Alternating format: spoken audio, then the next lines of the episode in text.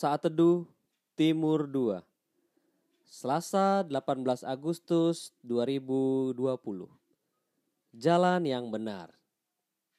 Firman Tuhan diambil dari Yohanes 14 ayat 6 Kata Yesus kepadanya Akulah jalan dan kebenaran dan hidup. Tidak ada seorang pun yang datang kepada Bapa kalau tidak melalui aku. Di mana kita berada saat ini? Mungkin ada yang merasa amat jauh dari Tuhan. Mungkin kita belum ke gereja selama bertahun-tahun, atau mungkin kita sedang jauh dari Tuhan selama satu atau dua bulan ini. Kering dan gersang rasanya hati ini. Mungkin saat ini kita sedang mengalami minggu-minggu di mana kita berpikir, "Saya benar-benar tidak merasakan kehadiran Tuhan dalam hidup saya. Sesungguhnya kita semua ingin dekat dengan Tuhan. Namun, terkadang itu sulit sekali terjadi. Ada beberapa hal yang perlu kita lakukan agar dapat terhubung dengan Tuhan. Yang pertama, ambil keputusan bahwa ini waktunya berubah. Tidak ada yang akan terjadi dalam hidup kita sampai kita merasa tidak puas dengan apa yang ada. Sampai kita bisa berkata, "Saya tidak suka ini." Saya lelah, terus-menerus tertekan, saya lelah, terus-menerus frustasi, saya lelah, terus-menerus menanggung terlalu banyak beban pekerjaan, saya lelah merasa jauh dari Tuhan. Mengapa Tuhan Yesus kadang membuat kita ada di titik ini. Karena dia mengaruniakan kepada kita sebuah kehendak bebas. Tuhan mengasihi kita apa adanya. Tapi karena terlalu cintanya dia, maka dia tidak mau membiarkan kita tetap seperti itu. Dia tidak akan membiarkan kita menyia-nyiakan hidup kita. Dalam Yeremia 29 ayat ke-13 mengatakan, Apabila kamu mencari aku, kamu akan menemukan aku. Apabila kamu menanyakan aku dengan segenap hati.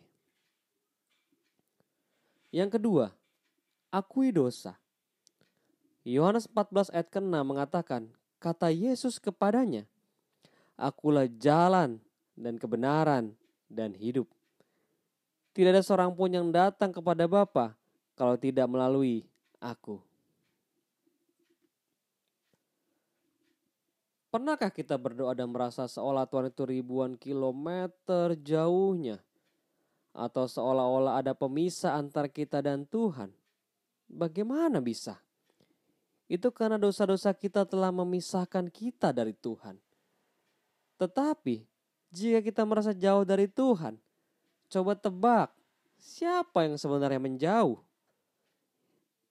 Ya, benar. Kitalah yang menjauh. Tuhan selalu ada untuk kita. Dia tak pernah meninggalkan kita. Dia mengasihi kita tanpa syarat. Dan dia sedang menunggu kita untuk mengaku dosa agar kita dapat memiliki hubungan yang baik dengannya lagi. Dialah jalan dan kebenaran dan hidup. Dialah jalan yang benar. Ketiga, persembahkan diri kepada Tuhan. Hidup kita terlalu berharga jika disia-siakan.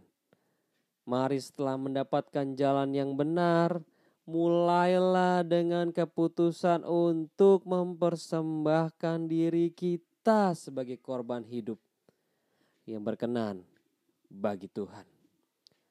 Masuklah dalam persekutuan, bertumbuh dan melayani Tuhan. Mari ambil keputusan untuk berubah. Akui dosa.